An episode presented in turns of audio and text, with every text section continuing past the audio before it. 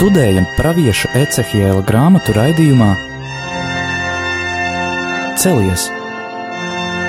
Dievs ar tevi runā!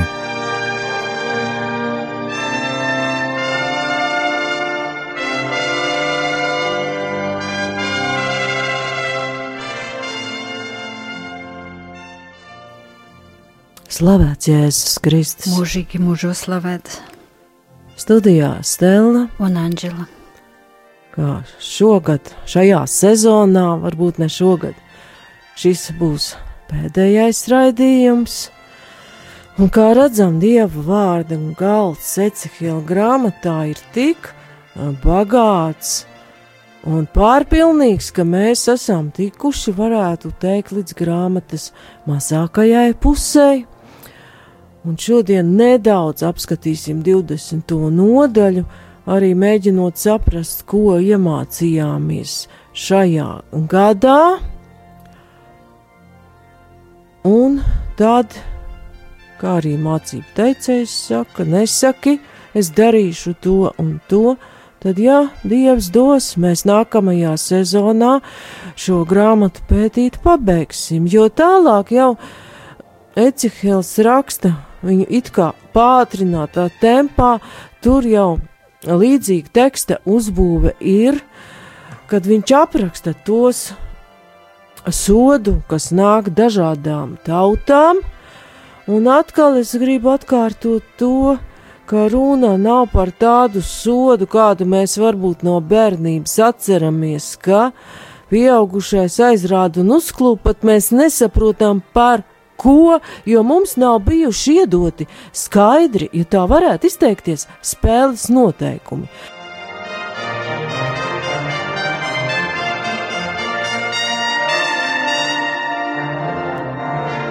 Dievs, atšķirībā no cilvēkiem, ir iedevis ļoti skaidrus un saprotamus dzīves noteikumus. Viņš tos ir atkārtojis vairāk kārtīgi caur cilvēkiem, kurus pats ir iedvesmojis uzrakstīt svētos rakstus. Un arī Ecehela grāmata, pat kā redzam, šajās nodaļās, kuras jau mēs esam paspējuši pētīt, visu laiku pravietis atgādina, kādas sekas ir tam, ja cilvēki un tauta nepilda kunga likumu, un kādas sekas ir tam, ja tauta atgriežas un pilda kunga likumu. Viņš visu laiku atgādina to, kas ir rakstīts jau piecās mūzus grāmatās, jeb Tārā, kur Levītu grāmatas Nemaldos 25. vai 26. nodaļā, es uzreiz no galvas to nepateikšu, ir pat lāsta un svētības vārdi, ka, ja tu turēsi manas tiesas, tev būs visa pietiekami, ēdiena, tauta, vairosies, tu būsi pārticis, bet, ja tu atkritīsi un kalposi elkiem, tu nīkti iznīksi. Un vēl no Ecehela grāmatas mēs varējām ievērot, ka Viņš ir pravietis, kuram visu laiku kunga vārds ir līdzās. Latviešu tulkojumā ir par mani nāca vai bija uz manis, bet, ja lasām krieviski, kā Anģela izlasi krieviski, kā arī šeit ir, kur tas kunga vārds, tad atradās 20. nodaļa otrais. В седьмом году, в пятом месяце, в десятый день месяца пришли мужи из старейшин Израилевых попросить Господа и сели перед лицом моим. И было ко мне слово Господне. Сын человеческий, говори со старейшинами Израилевыми и скажи им, так говорит Господь Бог. Вы пришли вопросить меня. Живу я, не дам вам ответа, говорит Господь Бог. Paldies!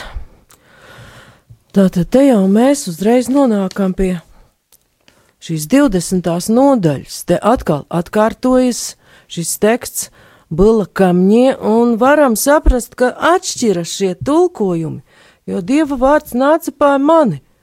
Nu, nāca un aizgāja.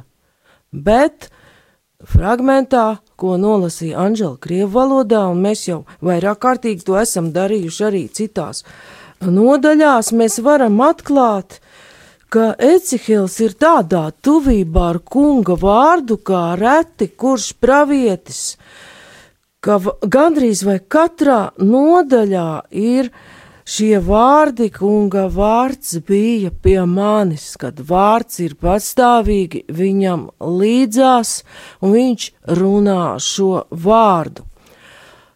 Tāpat mēs pētot šo grāmatu redzējām, ka Dievs, būdams līdzās šis vārds, dod pravietim uzdevumus runāt uz izsūtījumā esošo tautu, gan ar vārdiem, gan dažādām zīmēm, kas mums ļauj saprast, ka arī dažādas situācijas un dzīves notikumi ir kā zīmes, lai mēs celtos un ieklausītos, ko Dievs mums pasaka. Daudzās vietās mēs redzējām norādes uz laicīgas un garīgas varas atbildību, un daudzreiz mēs varam redzēt, ka Aicihils atgādina par cilvēka izradzētās tautas un arī mūsdienu cilvēku tieksmi atkrist no dieva un radīt sev elkus. Un viņš to dara caur vēstures prizmu, runājot par Ēģipti un kā kungs izveda cilvēks no Ēģiptes.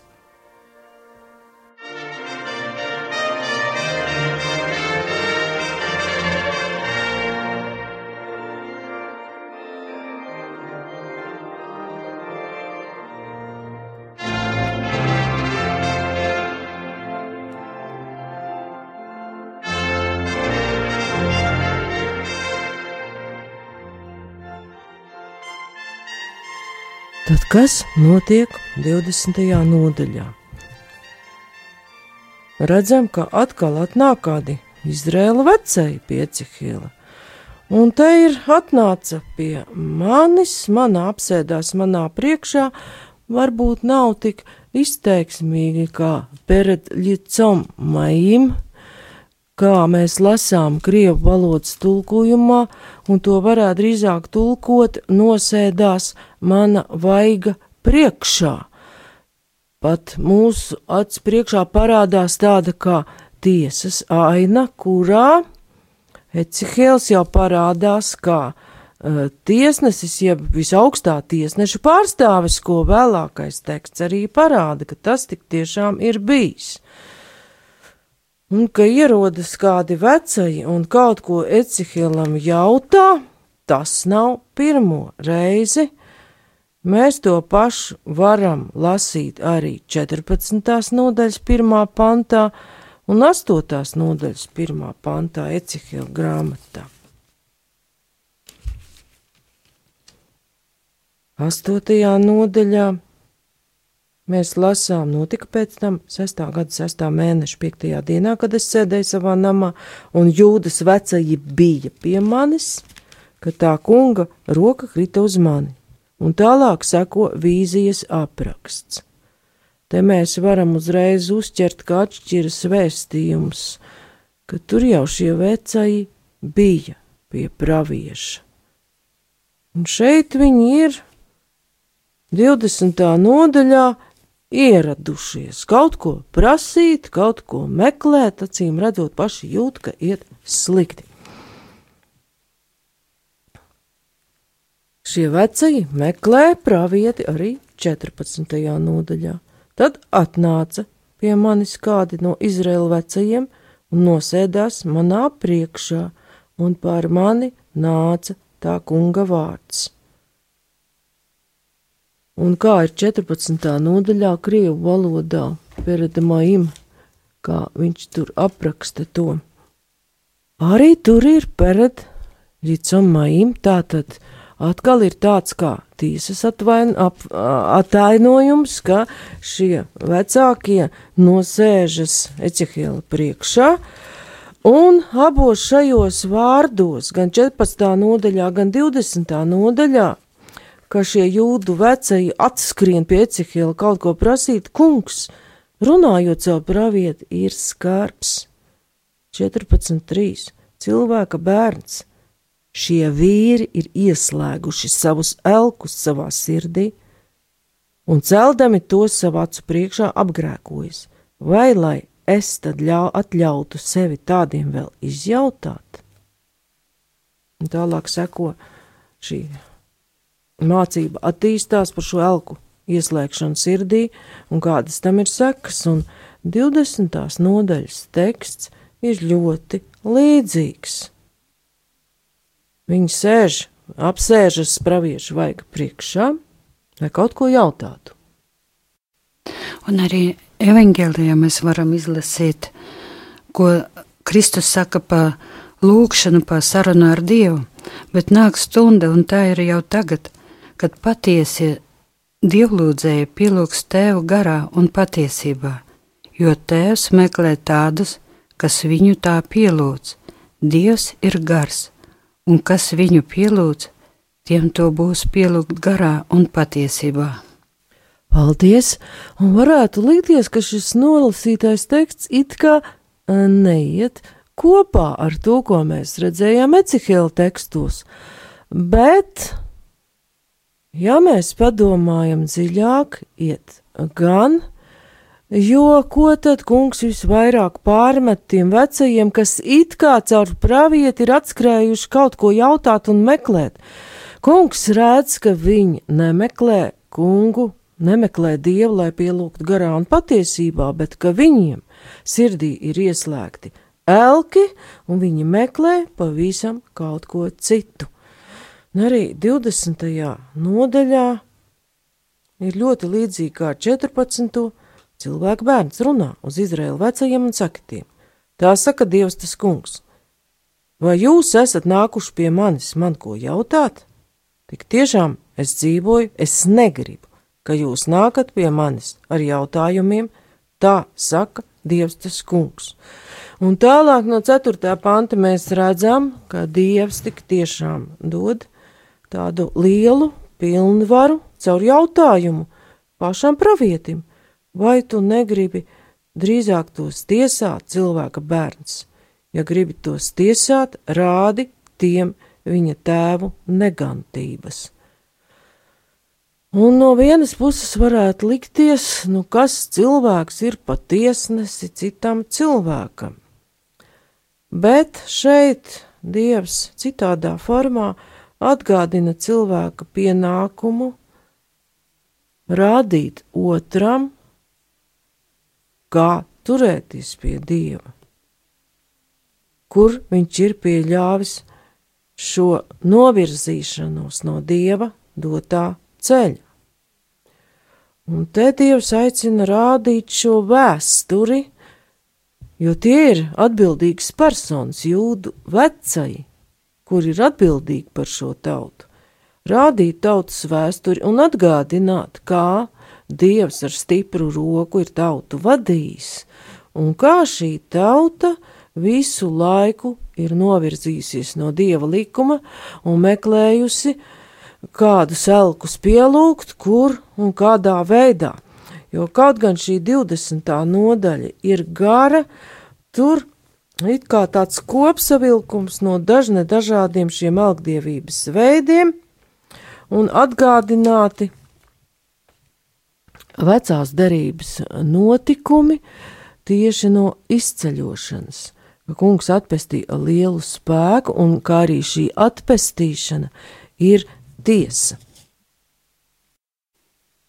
Nu jā, un mēs varam arī izceļošanas grāmatā lasīt, ka, kā kungs atbrīvoja savu tautu, un lasam izceļošanas grāmatā, jūs redzējāt, ko es darīju eģiptiešiem, ka es jūs nesu uz ērgļas pārņiem un atvedu pie sevis, un tagad, ja jūs man klausīt, klausiet, un turēs, turēsiet manu derību, tad no visām tautām jūs būsiet mans īpašums, jo mana ir visa zeme.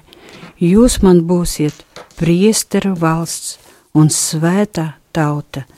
Saki šos vārdus Izraēla dēliem. Paldies! Tātad šis Anģēls nolasītājs teksts jau sasaucās pat ar jauno derību, kur Pēta, vienā no Pētera vēstulēm ir runāts par šo svēto ķēnišķo priesteru tautu jau jaunās derības izpratnē, kā tas notiek baznīcā. Un vēl mēs varam lasīt arī izceļošanas grāmatas sestā nodaļā no trešā līdz sestam pantam. Es esmu parādījies Abrahamam, Īzākam un Jēkabam kā visuvarenais dievs bet savu īsto vārdu tas kungs es netiku darījis viņiem zinām. Es esmu cēlis savu derību ar viņiem, lai dotu viņiem kanāna zemi, to zemi, kurā viņi kā svešinieki dzīvojuši. Es arī esmu dzirdējis Izraēla bērnu nopūtas, tāpēc, ka eģiptieši viņus verdzina, un es esmu pieminējis savu derību, tāpēc saki Izraēla bērniem, es esmu tas kungs un izvedīšu jūs no Ēģiptes, jūga un izglābšu jūs no vergošanas un atpestīšu jūs ar izstieptu roku un ar lielām tiesām, un es ņemšu jūs sev par tautu un būšu jums par dievu, un jūs zināsiet, ka es esmu jūsu dievs, tas kungs, kas jūs izvedis no Ēģiptes zemes.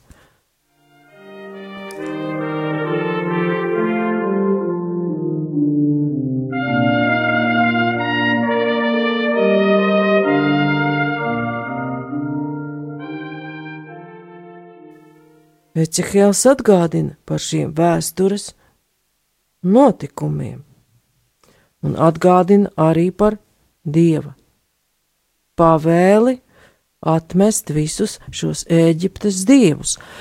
Un varētu likties, kāpēc visvairāk ir runāts par Ēģiptes dieviem, un kas aiz tā visa ir, jo varam jau pieņemt, ka eģiptieši ar visu to savu dievu panteonu jau arī kaut kā meklēja pārlaicīgo un mūžīgo, bet var saprast, kā aiz eģiptiešu reliģiskās sistēmas tāpat slēpās tā pati varas un naudas kāra, kas ir dzīva līdz pat mūsdienām.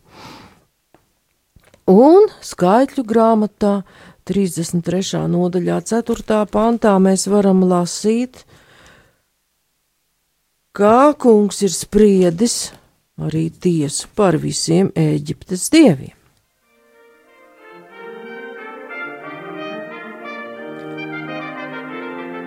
Un tur ir aprakstīts periods pēc tam, kad jau ir bijis šis dieva sots, kam irst visi pirmdzimtie cilvēki un lopi eģiptiešiem, kamēr eģiptieši apglabāja visus pirmdzimtos, ko tas kungs bija viņu vidū piemeklējis, un arī par viņu dieviem tas kungs bija savu tiesu spriedis. Un Izraēla bērni izgāja no Ramzes un apmetās Sukotā.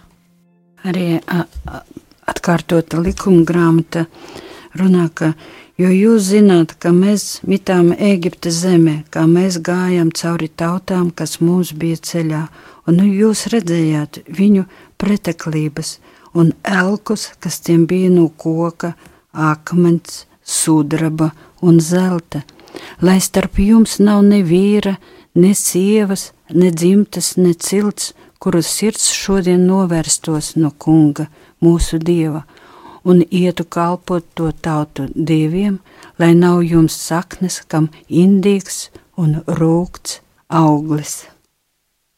Paldies! Tātad atkal atkārtotā likuma grāmata atgādina par to, ka cilvēku iznīcina un rūkt un indīga šī nodošanās elku dieviem. Un mūsdienu situācijā mēs ar to saprotam, ka tas nav tikai tas zeltā vai sudrabā izlietais tēls, bet ka visvairāk tas attiecas uz jebko, kam cilvēks piesaistās tā, ka uzskata, ka tieši no tā nāk tā viņa labklājība, uh, un zelts un sudrabs jau runā tieši par materiālo labklājību, un cilvēks gadsimtu gaitā, var teikt, mūsdienās pat ļoti izteikti piesaistās idejai, ka nodrošinājums materiālā labklājība viņu izglābs vienmēr un visur, un Dievs atgādina, ka tas tā var nebūt ka šī eh, cita, citas kādas radītas lietas iecelšana dieva kārtā var būt tāda, kas atnes nāvi. Un arī Iecehila grāmatas 20. nodaļā šeit vairāk kārt tieši šie atkārtoti šie brīdinājumi, tāpēc mēs pat tam visam cauri neejam, bet noslēdzot šo sezonu, der izlasīt 13. pantu, lai mēs saprastu katrs savā dzīvē, varētu skatīties arī, kā tas notiek mūsu tautā un pasaulē. Kāpēc tad Dievs ir devis tos baušļus, kas dažkārt šķiet it kā nērti un ierobežoti? Un 20. nodaļā, 13. pantā, Ecihēls šiem jūdu tautas atbildīgajiem saka: Bet Izraēla nams bija stūrgalvīgs arī tuksnesī, tie nestaigāja pēc maniem likumiem un nepildīja manus baušļus, kas cilvēkam jāpilda. Un te ir tas teikums fragments, kuru es vēlētos atstāt uz visu vasaru, ko pārdomāt. Baušļi, kas cilvēkam jāpilda, lai tas dzīvotu.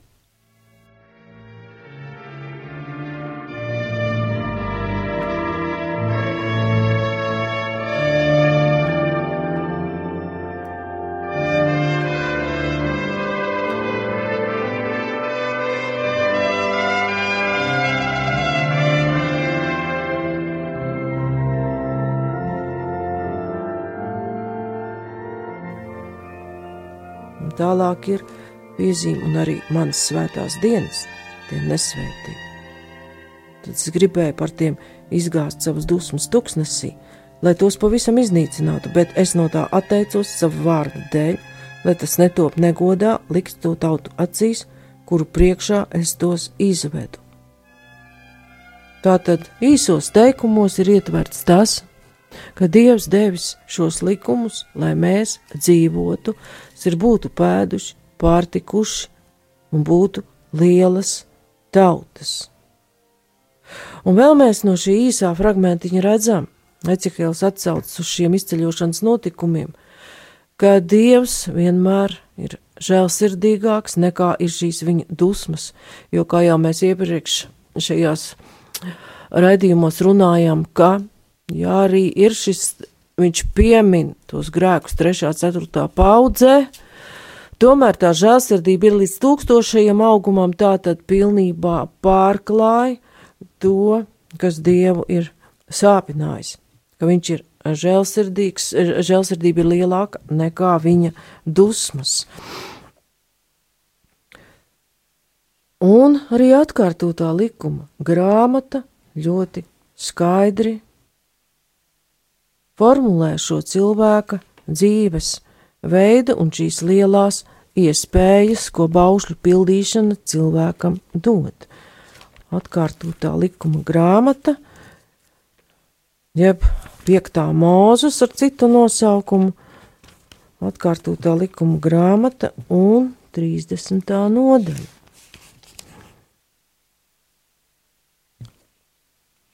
Kur kungs atgādina mums visiem, Un šis teksts komentē to, ko Ecihēls runā uz vecajiem, jo šīs bauslis, ko es tev šodien pavēlu, nav tev nec pārāk grūts, nec par tālu. Tas nav nec debesīs, ka tev būtu jāsaka, kas mūsu dēļ kāps debesīs un mums to paņems, mums to paziņos, ka mēs varētu to pildīt. Tas nav arī viņa pus jūras, ka tev būtu jāsaka, kas mūsu dēļ celsies pāri jūrai un mums to atvedīs un mums to paziņos, ka mēs to varētu pildīt. Nē, tas vārds ir ļoti tuvu pie tevis, tavā mutē un tavā sirdī, lai tu to pildītu. Redzi, es šodien lieku tavā priekšā dzīvību un labumu, nāvi un ļaunumu.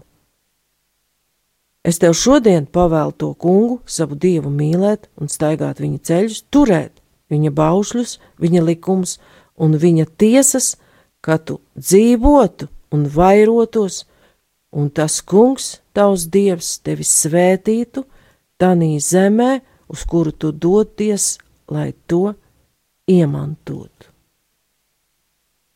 Un šodien, papēcot raidījumu, mēs arī pie tā varam palikt, ka labi ir turēt kunga baušļus, un kā viņš pats šau šo vārdu saka, ka tos turēt nav pārāk grūti, ka viņš jau ir tos ielicis cilvēka sirdī, un pilnībā mums tos ir atklājis iemiesotais vārds jaunajā derībā, kur Mateja evaņģēlī 25. nodaļā viņš arī pasaka, kā šo dieva mīlestību, mīlestību pret kungu iedzīvināt savā dzīvē, kur ir pat šie tiesas kritēriji.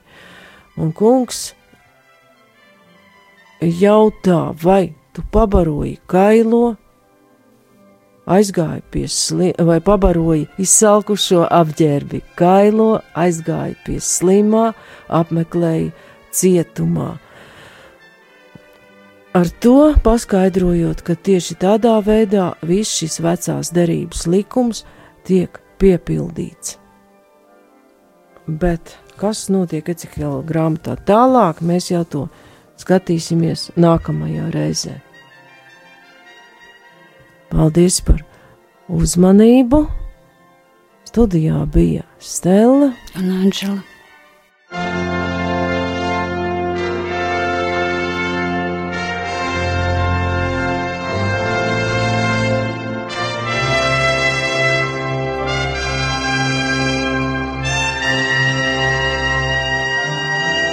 Izskanēja raidījums